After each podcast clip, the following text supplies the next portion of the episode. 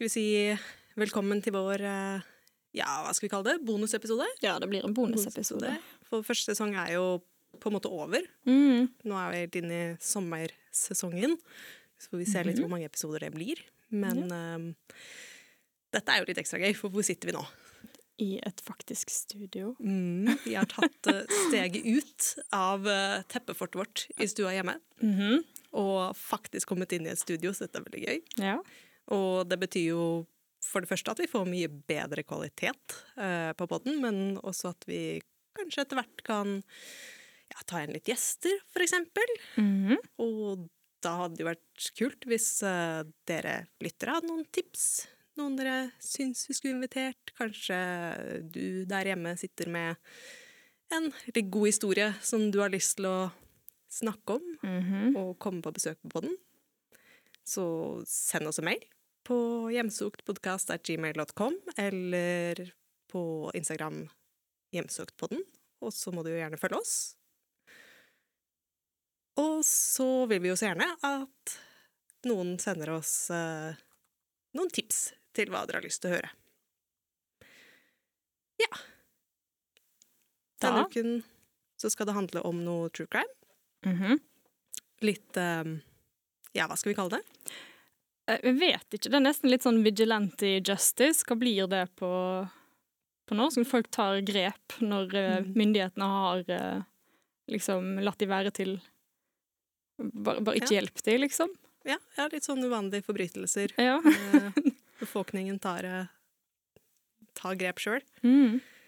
Jeg skal i hvert fall ha et tilfelle som skiller seg litt mer ut enn det jeg pleier å ha, for jeg skal ganske langt tilbake i tid. Mm. Jeg skal helt tilbake til 1801, Oi. faktisk. Eh, du er kanskje litt tidligere? Eh, ja, jeg er på Eller nyere? eh, Ja. sånn 1970. Ja, moderne tid. ja. nei, men eh, skal vi introdusere oss? Mm. Jeg heter Toril. Og jeg heter Tonje. Velkommen til Hjemsøkt.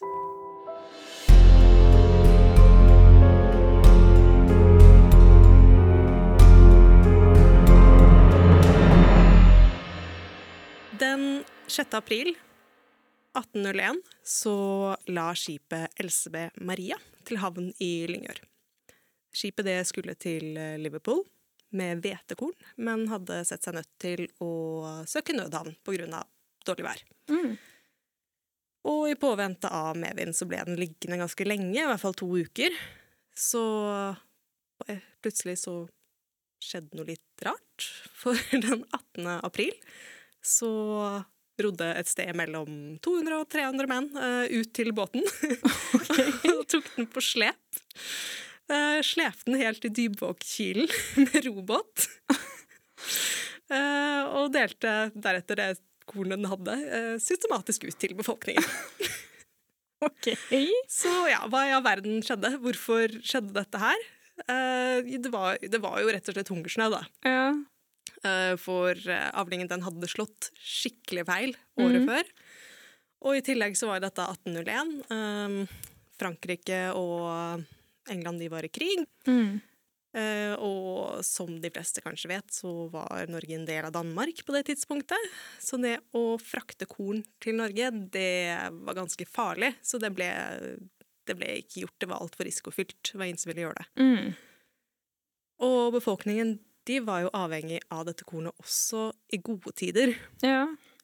Så nå begynte det å bli litt uh, anstrengt situasjon, da. Mm. Det forholder seg jo slik.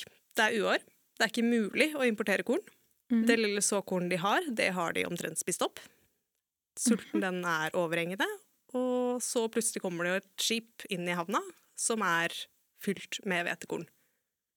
Og dette skipet det er jo ikke hvilket som helst skip, det er et engelsk skip, så det er jo et fiendeskip. Mm. Ja. Og så er det jo, hører det jo med i historien at uh, litt grann tidligere så hadde det vært uh, sånn at myndighetene hadde sagt at man kunne beslaglegge skip, men det var ikke lov nå. Ah, OK.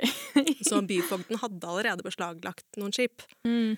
men uh, det var ikke lov, og befolkningen hadde gått til ham og bedt om å få lov til å ta det, og Mm. hadde ikke fått lov. OK. Så når det ikke funka, så tok de saken i egne hender. Ja. Og det som er litt interessant å huske på, dette er 1801. Mhm. Det er under eneveldet. Det er ikke lov til å samles i store forsamlinger. Nei. Det vil da si at uh, det er litt vanskelig å organisere en så stor aksjon. De hadde jo ikke mobil eller mail eller andre Mm. kommunikasjonsmidler, så ja, hvordan klarte de det her? Nei, det Det, altså, man kan jo på en måte ikke vite det helt sikkert, Nei. eh, hva de faktisk gjorde. Men eh, det man vet, er jo at eh, dette er et lite skifte her. Okay. Fordi tidligere så var jo matmangel Det var tabu. Det snakket ikke om, det var et personlig oh. anliggende. Okay. Hvis du ikke klarte å Det var liksom Hva tapte man? Ansikt, eller? Ja, altså, klarte ikke å gi mat til familien din, så var det skambelagt. Oi. Eh, Men det som skjedde nå, det var at eh, nå begynte man å anse det mer som et kollektivt anliggende. Mm. Så man tok gjerne og viste fram barkebrød for å demonstrere at man eh, hadde nød. Mm. Og så brukte man jo rykter til å spre informasjonen. Man snakket jo sammen utenfor kirken. Mm. Og når alle da definerte situasjonen sin slik, som en nødstilstand, så er det jo litt lettere å få alle til å agere, da. Mm. Men så er det jo hvem startet dette her? Uh, Ja. Hvem er ansvarlig for dette her? Det må jo ha vært uh, ganske karismatisk uh... Ja, det, man vet jo ikke det, da. Nei. Hvem det var som faktisk gjorde det. Um, myndighetene startet jo en rettsprosess i, etter dette her. Den mm. varte i fem år. Oi. Uh, og da var det en undersøkelseskommisjon som var nedsatt til å se på saken. Mm. Men etter fem år var gått, og 1420 personer var blitt eh, forhørt om hendelsen, så var det ingen som ble dømt eller straffet for det. Nei. Uh, fordi de vurderte Altså, det var en som fikk skylda. Uh, losen Ville Christensen. Men han var død året før, Oh. så det var jo kanskje litt beleilig. ja. De ville bare si at det var han, og så er vi ferdig med det her. Ja, det, det, det virker kanskje litt sånn. Eh, for det er sånn, ja, han hadde hatt en del i, i dette her tidligere. Han hadde vært på disse møtene med byfogden. Mhm. Men eh, å gi han hele og fulle aleneansvar for Ja. en så stor aksjon eh, uten å Scapegoat. straffe noen andre er kanskje litt eh, Ja. um, og det som egentlig hører litt med i historien, er jo at dette her uh, er jo et område det, som ikke er helt uh, ukjent med, med store opprør. Eller opprør, uh, aksjoner. Mm. For jeg vet ikke om du har hørt om? Lofthus-opprøret? Nei Mm. Det har fått navnet etter Christian Lofthus. mm. Eh, han eh, var leder for Altså, obviously, det er jo Mm. oppkalt etter Lofthus. Ja. Eh, til da var det det største opprøret Norge hadde sett. Oh, OK. Eh, og han reiste på klagereise til Danmark ved flere anledninger på vegne av bøndene. Mm. Og det var eh, ja, flere grunner, men i hovedsak så handlet det om urettferdig behandling av bøndene. Jeg tror ikke vi skal gå i dybden på det nå. Og han ble til slutt arrestert og dømt til straffarbeid uh, på Akershus festning på livstid. Og han døde også der Ja. noen år etterpå. Uh, og dette var i samme område. Mm. Det er 15 år senere, men det er i samme område. Sannsynligheten for at noen husker dette her, den er jo ganske stor. Ja. I hvert fall på den tiden når folk faktisk prata sammen om ting som hadde skjedd. Ja, Det var sånn de fikk vite det, liksom. Og så skjedde jo mye. Det var mange eh, Mm. som endte på Akershus festning i større og lengre perioder. Og Ja. bøter og det hele. Så du, du glemmer ikke det så lett. Mm. Så de har jo fått en liten rapp på hånda, kanskje, eh, og har skjønt at skal man gjøre noe, så må det gjøres veldig godt planlagt. Mm. Så det er jo Ja. Det var veldig mange som deltok. ikke sant? Det er Mhm. 200-300 personer, typ. Fordi da de nærmet seg Dybvågkilen, så sendte de ut bud. De ba folk om å komme og ro dem i møte. Sikkert fordi at de trengte avlastning. Altså, det er et stort skip. Ja, og de hadde robåter og eh, altså sine egne muskler. Mm, ja, altså det er ikke motorbåter. Er, du fikser det sjøl. Um, men det er også, ikke bare derfor, men også fordi det er med så mange delaktige, så er det veldig mange vanskelig å finne ut hvem som faktisk er ansvarlig. Mm. Så ja, de blir rett og slett mindre synlige. Og da blir det veldig vanskelig å straffeforfølge dem. Og dette lyktes de jo åpenbart med, Mm. siden de slapp unna med det. Eh, og det ble vel, det kornet ble vel aldri betalt tilbake, så vidt jeg husker. Ja. Så nei, smarte bønder. Ja, men var det noe mannskap på det skipet, liksom? Eh, ja, så nå hadde jo ligget der i to uker. Jeg husker ikke hva som skjedde med dem, faktisk. Eh, Det var det var jo ikke noen Altså, dette var jo ganske fredelig. Det var Ja. ingen som ble Ja, de var vel bare liksom De var ikke akkurat pirater, liksom. Altså, de var Nei, bare altså, vanlige det, det var jo slutt mennesker. bare Sjøfolk. Og det var jo, den, den lå jo der eh, lenge Jeg har lest hva det er, men jeg husker faktisk ikke. Mm, nei, det skal jeg ærlig innrømme. Eh, Nei, men uh, nå har jeg lyst til å høre din. Ja, min uh, Noe helt annet. No, altså, det her handler om Jeg tror en av de verste menneskene jeg Ja. har lest om. Ja, altså min, min har jo på en måte blitt en liten ray of sunshine i en ellers Ja. ganske makaber pod. Uh, så den- den kommer Ja, på den her er mer i stil med det vi pleier å ha.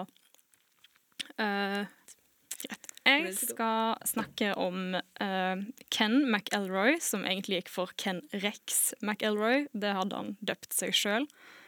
han var født 1. juni 1934 i en bitte liten eh, bygd, blir det vel, som heter Skidmore i Missouri. Det var typ 400 innbyggere der, og han ble veldig fort kjent som bare bygdas bølle. Skidmore høres Ja. egentlig ganske sketchy ut. Det høres ut som Skidmark eller noe. Det er liksom bare et. Skidmark on the map. Liksom. Det, er bare, ja, det er ikke så veldig heldig navn. Eh, men ja, det er litt komisk. Eh, gjennom ja, hele hans liv så ble han anklagd for eh, omtrent alt som kan anklages for. Altså overfall, overgrep på barn, voldtekt, brannstiftelse, dyreplageri. Han stjal alt du kan tenke deg. Husdyr, mais, korn, Hæ? altså dyrka grønnsaker, kyr, svin og bensin, alkohol, antikkmøbler fra huset til folk. eh, og han ble aldri dømt. Altså Han ble dømt Hæ? én gang, eh, og det var da de fikk han, og da, det var liksom Altså, da var han nesten 50, liksom, og det her begynte når han var 15. Men, men den dommen var Nei, vi kommer til det. Eh, det er ganske frustrerende, skjønner du. Men eh, ja, som 15-åring så uh, droppa han ut av skolen. og Han var født til en familie som var kjempestor. Han hadde 15 søsken, og de var veldig fattige. Uh, og han gadd ikke å jobbe altså, eller fullføre skole. Han måtte liksom begynne å tjene penger til familien sin. Liksom. sånn, han har ikke tid til å gå på skole, det er dyrt og alt det der. Eh, så det er jo en av liksom, motivene hans til å ta det de trengte. Eh, og i tillegg til at han stjal så mye, så var han jo bare kjent for Altså han stjal jo koner også, bare lå rundt om. Eh, og han hadde ja, han var forferdelig. Hans eh, liksom foretrukne sengepartner var 14-åringer. Æsj! Eh, og han skal ha vært gift 15 ganger. Nei, fem ganger, beklager. Uh, men jeg klarte bare å finne liksom uh, to eller tre som faktisk var uh, på papir, da. Og så er det en som han var med ganske lenge. Men, men altså, hva har han gifta seg med mindreårige? Mm. Vi kommer til det også. Skal vi si det. En av grunnene til at han ikke klarte å liksom eller aldri ble satt inn, var fordi at uh, han trua folk. Folk var kjemperedd han. Hvis han visste at noen skulle vitne mot han, så kjørte han bil til huset deres og satt utenfor og bare observerte de.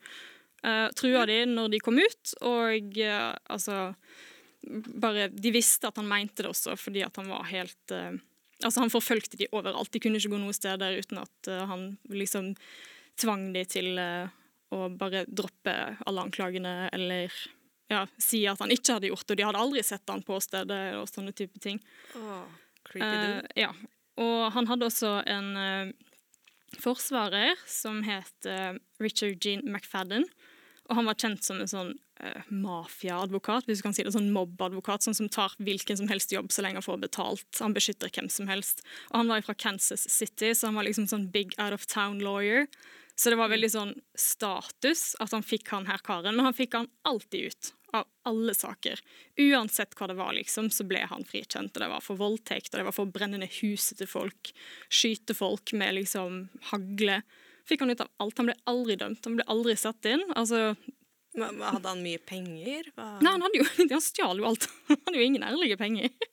Men han var liksom betalte han denne big shot lawyer? Nei, sikkert med de antikke møblene han solgte og stjal og styrte på. Det var ingen som kunne ta ham på det.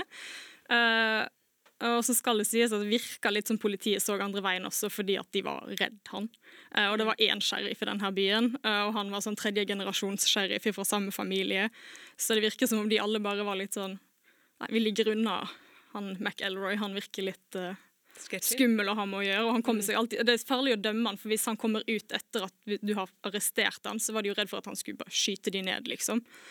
Fordi at de visste jo at han kom ut. Han ble jo alltid frikjent, liksom. Han ble jo aldri tatt. Så de ville bare droppe det med en gang og liksom Ikke være borti han, for det, du kommer aldri til å få saken gjennom. Altså, han kommer til å ta deg når han kommer ut av liksom tinghuset.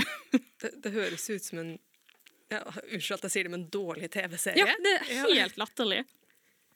Eh, og pappaen hans har sagt at når han var rundt 18, så ble han truffet av en sånn metall, eh, hva skal man si, påle eller bjelke som datt eh, i hodet på han når han var jobba på en sånn eh, konstruksjon. Og så mente de at han da utvikla litt voldelige tendenser, men han hadde jo da allerede vært altså, fæl siden han var 15. Det var liksom da de første anklagene på han kom, så om han ble voldelig når han var 18, så var han ikke hyggelig fra før av. Eh, han var nok allerede på vei dit. Eh, han var også enorm. Han var liksom rundt 120 kilo over 1,80 høy. Og i etterkant, når folk har blitt spurt om liksom, hvem han var, så sier de at han virka som en sånn mann som bare, han ville bare gå gjennom gaten og være frykta. Liksom. Han bare ville at folk skulle se han og liksom løpe andre veien og tenke at uh, det der er en stor, farlig mann. Liksom. Han har makt. Uh, og det fikk han jo. De var jo det. De var jo redde for han alle sammen. Altså, det var jo ingen som kunne stoppe han. Han gjorde jo akkurat det han ville. Uh, og han syntes jo bare at han var veldig ja, stor kar, liksom. han hadde blant annet ti barn som vi vet, med mange forskjellige kvinner. Uh, og en av dem var Trina MacLeod, som han voldtok når hun var tolv. Uh, og han var typ 35 at the time. Vent, hun var Han, han fikk barn med henne? Hun ja. var okay. Ja. ja, greit. Han fikk barn med henne. Ikke at det er bra, men du hørte et øyeblikk så lurte på om, han var, eh, om hun var liksom barna hans. Nei, det vet jeg ingenting om. Uh, men nei, han uh, voldtok henne, og hun var nok en av de yngste han hadde voldtatt. Uh, og hun ble gravid, og han ville Han ville gifte seg med henne, fordi da kunne ikke hun anklage han for voldtekt. fordi at hvis det var kona hans, så hadde han lov til det. Mm. Så Ja, var det 70-tallet? ja, uh, Og familien hennes ville jo ikke være med på det her. De, altså, han var jo en forferdelig mann. Han hadde liksom voldtatt jenta deres, og hun var gravid, og allting var galt. Eh, så han skjøt hunden deres og brant ned familiehuset. Eh, og så stakk han bare av med henne og sa at hun skal gifte seg med meg, ellers så kommer jeg og dreper dere òg. Og så gifta Altså, han måtte òg skille seg med en kone han hadde fra før av for å få lov til å gifte seg med Trina. Eh, men de bodde da alle tre i huset hans. Eh, hun forrige kona het Alice. Eh, og det er faktisk noen påstander om at hun I noen saker så sier hun, eller skal hun ha sagt, at jeg skjønner ikke alle disse anklagene han får på seg. Han var aldri sånn med meg. Altså, han var litt vill, ja, men han var aldri ondsinna. Han stjal i hvert fall aldri. Uh, fra kona si? Ja, altså ifra hun Alice, da, som han var gift med før han liksom gifta seg med Trina, som var tolv. Eh, men ja, det, det er noen, noen artikler ja. sier at hun sa det, men det er liksom, samtidig så er det andre saker som sier at hun prøvde å rømme fra ham flere ganger. Fordi at han var så voldelig, så Men kanskje hun ikke turte å si ja, det kan hende. At det bare at det er noen som har tatt det liksom eh, Han har jo mange barn, og de var jo glad i han. Så det kan jo hende at hun i sammenheng med de ikke har turt å si noe vondt om han, fordi at de syns det er sårt at han ble drept til slutt. Ja, nei, for det kan jo Ja, det er jo litt sånn Ariel Castro, for Ja. eksempel. Hvor du, altså, datteren hans var jo glad i han òg, selv om han var, en forferdelig Ja, er, person. altså, folk flest er jo ikke bare altså, en eller to, liksom. Det er jo et komplekst menneske. Han er Mm. sikkert hyggelig med noen og helt forferdelig med andre. Ja. Uh, Men ja, han gifter seg med den her Trina og tar henne med hjem, og så bor de liksom en stor, lykkelig familie. Da. Ja. Eh, Men etter at eh, Trina får eh, det her barnet, så flykter hun og tar med seg Alice til foreldrene sine. Og McElroy følger etter og skyter den nye valpen deres og brenner ned huset, som de nå har nettopp kjøpt nytt hus etter at han brant ned det forrige. Så, men da tok han ja, med seg begge jentene hjem igjen og sa ikke gjør sånn igjen, det var, det var dumt, liksom. At jeg gjorde noe sånt teit. Det er helt Det er så ille. Um, og Trina sier at han ble faktisk tiltalt for brannstiftelse og overfall og voldtekt og alt det her i 1973. Uh, men da var hun 16, så det er ganske mange år etter at det her foregikk. da. Uh, og han ble arrestert, men nå, altså, noen betalte kausjonen hans på jeg tror etter time så var det sånn 2500 dollar eller noe. Det var ganske mye penger, det var enda mer penger da. Eh, men noen har gjort det, mest sannsynlig han her eh, advokaten som alltid får han ut av eh, hva enn det er. Eh, men når han da først var liksom tiltalt den gangen, så ble Trina og eh, den vetle ungen hennes da, eh, satt i et fosterhjem i Maryville, som er et stykke unna. Uh, og da pleide han å sitte i bilen sin i timevis og bare glo på det huset. Uh, og så en dag når faren i det huset gikk ut, så hoppet han ut av bilen sin og løp bort og sa at eh, jeg har sett dattera deres. Vi kan bytte jente mot jente. Jeg vet hvor hun går på skole, jeg vet hvilken rute hun pleier å ta, og jeg kommer til å ta henne hvis ikke jeg får tilbake kona mi og barnet mitt. Liksom. Så de ga seg jo. De ble jo veldig redd når uh, han trua med å bytte jente mot jente, liksom. Uh, men de varsla jo òg om det her til politiet. ja, det håper jeg da. Uh, men det Det var ingen som Nei, tok det, det. Nei. ingenting skjedde. Altså, han bare tok med seg Trina og barnet igjen. Og hun fikk ikke være med den familien noe mer. Nei. Det er Helt forferdelig.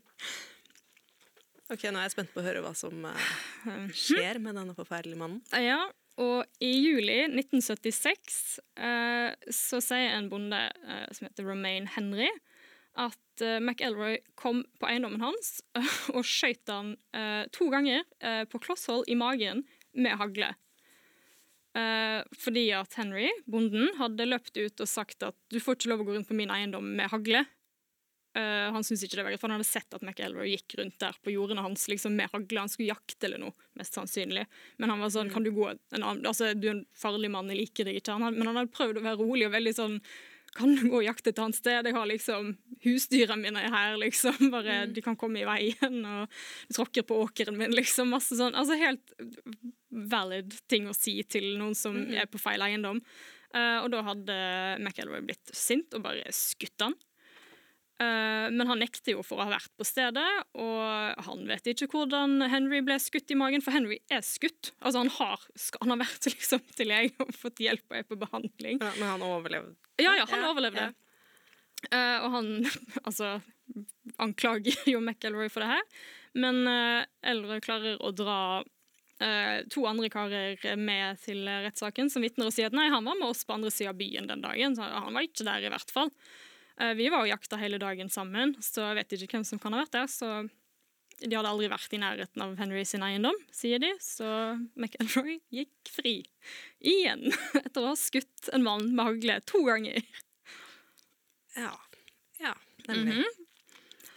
Og så, et par år etterpå, eh, i 1980, altså eh, det er vel fire år etter denne hendelsen med bonden, så er det en av barna til McElroy som har vært eh, i den eneste lokale dagligvarebutikken. Eh, det er et ganske lite sted, så de har bare den ene. Eh, og de har, det har vært en misforståelse, eller de har stjålet noen ting. og de som eier butikken, en mann som heter Ernest Bowenkamp, men går ofte går bare for Bo Bowenkamp. Eh, han driver det sammen med kona si, og de sier at det var bare en misforståelse, det er i orden, og det er ingenting liksom galt. Men uh, McElroy liker ikke det her. Når han får høre at det har vært en konflikt, så drar han til uh, butikken med hagle. Uh, og sier at driver du og sier at barna mine stjeler, og du sprer et dårlig rykte om meg i byen, og var liksom skikkelig, skikkelig sint. Og han her Bo sier jo bare at nei, det er, det er ingenting galt, altså alt, det var bare en misforståelse. Han bare trodde det kosta mindre enn det det gjorde, og det er i orden nå, liksom. Det løste seg. Men eh, han Altså, det hjelper ikke, fordi McElroy er dritsur, og han skyter Bo i halsen med hagle. Uh, Bo er en 70 år gammel mann. Han er ganske gammel, og han overlever på et eller annet vis. altså, han kan jo ikke ha skutt han liksom midt på, han må jo ha truffet liksom sneiene eller noe, kanskje han har klart å bukke men han overlever i hvert fall etter denne hendelsen. Uh, og det her er den ene gangen han faktisk blir dømt. Eh, og faktisk Oi, liksom ja. De får tak i han, men ikke fordi at han blir dømt for mordforsøk, men fordi at det kommer eh, Rettssaken blir for det første utsatt i sånn fem måneder, og plutselig så slutter den eh, som, han som var aktiv sånn, påtaleadvokat i kommunen.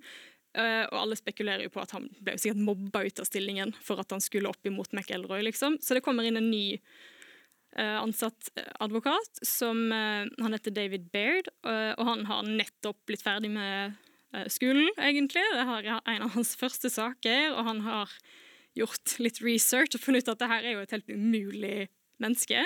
Så han skal ikke dømme han for mordforsøk, han skal bare dømme han for overfall. For det er han sånn, Du kan ikke si at det ikke var et overfall, du skøyt han jo! liksom. Ja. Så han får han faktisk dømt på det, da. Sånn at de faktisk liksom egentlig kan uh, holde han i varetekt inntil rettssaken er ferdig. Men av en eller annen grunn uh, så får han gå fri fram til saken. Det er pga.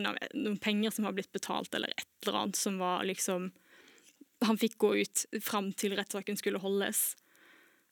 Ja, for, Eh, altså, ble posta kausjon, da? Ja, jeg lurer på om det er det. At uh, det var litt vanskelig å finne på det. Uh, hva det var for noe. Eh, når han ble spurt uh, etter denne rettssaken om hva han tenkte, så sa han juryen har dømt meg, og jeg får to år uh, i fengsel. Men én ting skal jeg si, og det er at jeg skal aldri sitte i fengsel. Jeg skal anke, og så får jeg gå fri. Jeg har kjempa mot loven siden jeg var 13, og jeg er faen meg snart 50. Eh, Jeg har blitt arrestert minst 53 ganger, og dette er første gangen jeg noen gang har tapt. Det, han har, ja, det er hans uttalelse etter denne rettssaken. Og det første han gjør når han slipper å sitte i varetekt, er å dra rett inn til byen eh, og begynne å trakassere Bowen Camp. Som er liksom altså, rehab. En gammel mann som er skutt i halsen. Eh, han drar også på den eneste lokale baren, som heter DNG Tavern. Eh, han har med seg en rifle med liksom bajonett på. og bare står og truer og drikker og begynner å gå i det, grafisk detalj om hvordan han skal uh, straffe Bowen Camp uh, for det han har gjort mot han. Altså som er å få han dømt, da. At han tapte en sak, liksom. Det er Bowen Camp sin feil. Så han skal jo ja, drepe han, da. Men folka i Skidmore har egentlig fått litt nok. Det her har foregått i altså, snart 50 år, og de tenker at det her går jo ikke, vi må gjøre noe. Så de samler til et lite møte, eh, og de tar med seg både borgermesteren og han her ene sheriffen som heter eh, Dan Estes, tror jeg. Eh, det er noen som sier Justus eller Estes, men det er noe lignende sånn i hvert fall, var det jeg fant. Eh, og de begge to foreslår bare at uh, nei, det er ingenting vi kan gjøre, det er best om vi bare lager en sånn uh, byvakt, en sånn altså, ja, Town Watch eller noe sånt. At vi bare lager et lite sånn system, at vi liksom passer på hverandre og følger med og liksom overvåker litt. Det er det beste vi kan gjøre. Og de har samla bortimot 60 mennesker i denne hallen. Og mens de sitter der, så hører de at uh, McElroy har kjørt til eh, altså den lokale baren for å kjøpe med seg øl, eller at han liksom skal bare en sånn snartur inn, og de har liksom altså lurer på skal vi bare gå og konfrontere han nå, mens sheriffen sier at nei, det blir for farlig, eh, det gjør vi ikke. Og så etter det her møtet opphør, så drar sheriffen, han kjører ut av hele liksom, bygda, liksom til et annet county. Uh, han var liksom ikke med, altså han bare sa ingenting hjelpsomt eller noen ting, han bare la en byvakt, og så blir det med det. Uh, For det skal liksom fungere. Ja, altså, de ville jo, altså Det folket ville vite, og det de ville diskutere, var jo hva kan vi, hva kan vi lovlig gjøre for å stoppe han? Altså, Hva fins det som kan hjelpe oss? liksom? Altså, Hva kan vi gjøre? Ja. Han stjeler alt vi har, han truer oss på livet, han skyter folk. altså for at barna hans blir fortalt at ikke de har oppført seg perfekt, liksom. Altså, Han er jo helt ustoppelig. Han er jo, det er jo terror, liksom. Eh, så når sheriffen drar, så blir de tydeligvis enige om at de skal konfrontere han. Så de går i denne store gruppa på 60 mennesker til denne baren. Uh, stiller seg tett rundt pickupen hans, der Trina sitter i passasjersetet og venter på mens han er inne for å kjøpe øl. Eh, De bare flokker inn i baren og fyller opp hele stedet liksom så tett som de får til, mens de liksom har lagd en sånn nesten bane inn bort til bilen hans ut derifra. Uh, han kommer ut, og han tror jo bare at folk venter på at han skal dra, siden de er så redde for han at de liksom bare står på vakt på en måte til han har forlatt dem. Han setter seg inn i bilen og tar seg en røyk, tenner den, lener seg tilbake, og plutselig så eksploderer hodet hans, og så faller han over rattet på bilen. Eh, Trina blir dratt ut av bilen og uh, trukket med inn i en bank i nærheten. Og så blir hun trua på at hvis du vitner eller sier noen ting, hvis du prøver å skrike, hvis du Altså, ikke lag en sak til det her, ikke ring noen ambulanse, ikke gjør noen ting, la det ligge, liksom. Uh, hun, ikke, hun har egentlig ikke skjønt hva som har skjedd. Det skjedde så fort at hun bare Altså Enten så hoppet hun ut, og så ble hun tatt ut av lufta, eller så var det noen som rev opp døra og trakk henne ut. Og ingen har sett noen ting.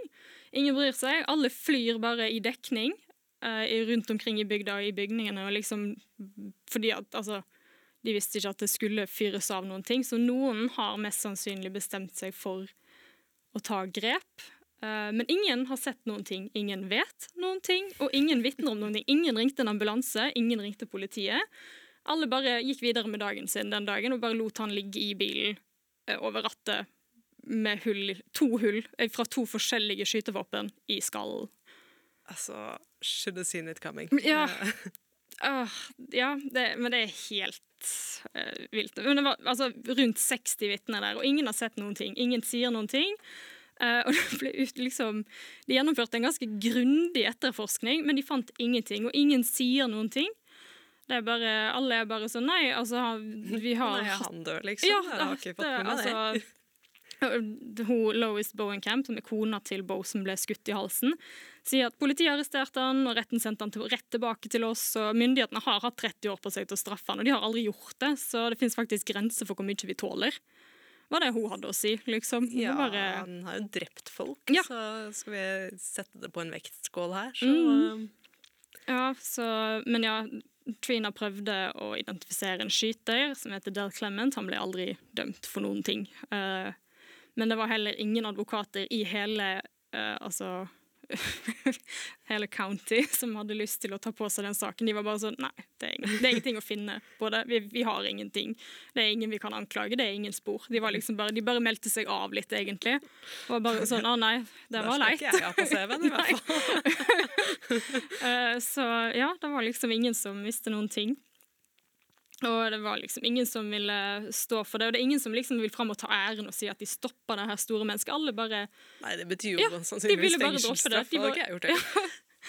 Nei, så de var bare kjempelei. Og det er faktisk lagd en serie uh, fra 2019 som heter No One Saw a Thing, som går i detalj Nei, på det her. Ja. Den er... Den er på Amazon Prime, tror jeg. Jeg tror det er de som har uh, lagd den også. Men ja, der òg intervjuer de faktisk de folkene som, de som enten overlever, eller gamle klipp fra de som har prata om han og sånn. enda en som vi bør ha på lista Ja. over ting vi skal se. Men, Den eh, begynner å bli lang. ja, den er ganske lang. Men ja, det var kjempefrustrerende. Drittsekken.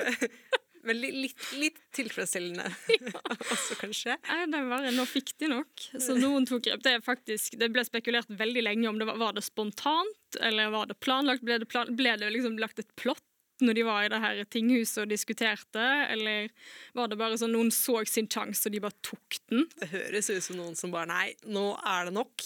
Nå, Ja. nå tar vi den sjøl. Men det er bare det at folk sto der også. Liksom, de bare sto flokk Altså, det var tett med folk rundt bil, og likevel så var det noen som tok sjansen på å liksom bare skyte gjennom Ja, for det høres jo kanskje litt mer ut ja, som denne her aksjonen i Dybvåg, da. At det er Mhm. sånn, ja, utad så ser det jo ut som de bare har gjort det on a whim, men Mm. det er jo planlagt. Altså åpenbart så Ja. er det diskutert blant mange at det er flere som har ja, sannsynligvis mm. fått nok og har lyst til å gjøre noe med det. Ja, og for de så sånn var det jo bare altså, Vi- vi- hvis, hvis ingen har sett noe, så er det ingen som kan bli tatt Nei, heller. det er akkurat det. Og her så var det jo bare det som var kjempefrustrerende at han hadde skutt noen i, i halsen, og det var vitner, og han var skada, og han ble liksom dømt, og så var, var han ute på åpen gate når de trodde at de endelig skulle få satt han inn i fengsel, liksom. Så bare fikk de høre når de satt der og var sånn å ja, han er rett borti gata, ja. Sånn to bygninger nedenfor den her eh, tinghuset vi sitter i, liksom. Eh, Han bare skal handle litt øl, og så dra hjem. Liksom, han har skutt noen på åpen gate. Ja. Eh, Så det er jo noen som mener at kanskje det ble trigga der og da. At det er sånn, vet du hva, ingenting kommer til å skje. Altså, det har gått 30 år, og ingenting skjer. Ingen tar han, liksom. Nå, nå er det play nok. the odds nå. Ja. At det er sånn, Kanskje jeg òg kan slippe unna med mord, liksom. Ja, det er jo tydeligvis Eh, mulig Og det var en av eh, mm. mange overskrifter. Det ble jo en stor sak. Det her, det var ganske kjent på eh, Ja, for du hadde jo Det var jo en sånn avisartikkel. Ja, som den kommer vi til å poste på Mm. Instagrammen, tenker jeg. Ja. Eh, Men det er veldig mange artikler, og de har veldig gøye navn. Det er sånn The Town That Got Away With Murder, altså byen som slapp unna med mord, og uh, A Town Bully Meets His Match, som er liksom bølla møter sin Hva blir det da? Hva sier man på norsk? ja, jeg vet ikke. Motstander? Ja. Eh, Likemann? Ja. Det, ikke sin egen, ja, får sin egen medisin, liksom. At, Mhm. Det- masse, altså, de hadde det gøy med de artiklene når de skulle skrive om det her. Ja, det tror jeg på. Det, Ja. De bare Den er jo litt utenom det, det, vanlige. ja, det er en litt artig sak, fordi at den er så det, altså det er litt sånn galgenhumor. Det er så vondt og grusomt at det er litt komisk at det bare Han blir bare skutt, og så er det, så er det over, Mm. liksom. er løsningsorientert. Ja. kan, kan du. Etter hvert. Etter 30 år så var de Etter 30 år så var det nok, egentlig. Var det noen som bare bestemte seg for at nå gidder jeg ikke mer? Ja. men Nei, det skal vi, skal vi runde av? Ja. ja. Da er det jo eh, som vanlig. Ta kontakt hvis du har tips, mm. ideer.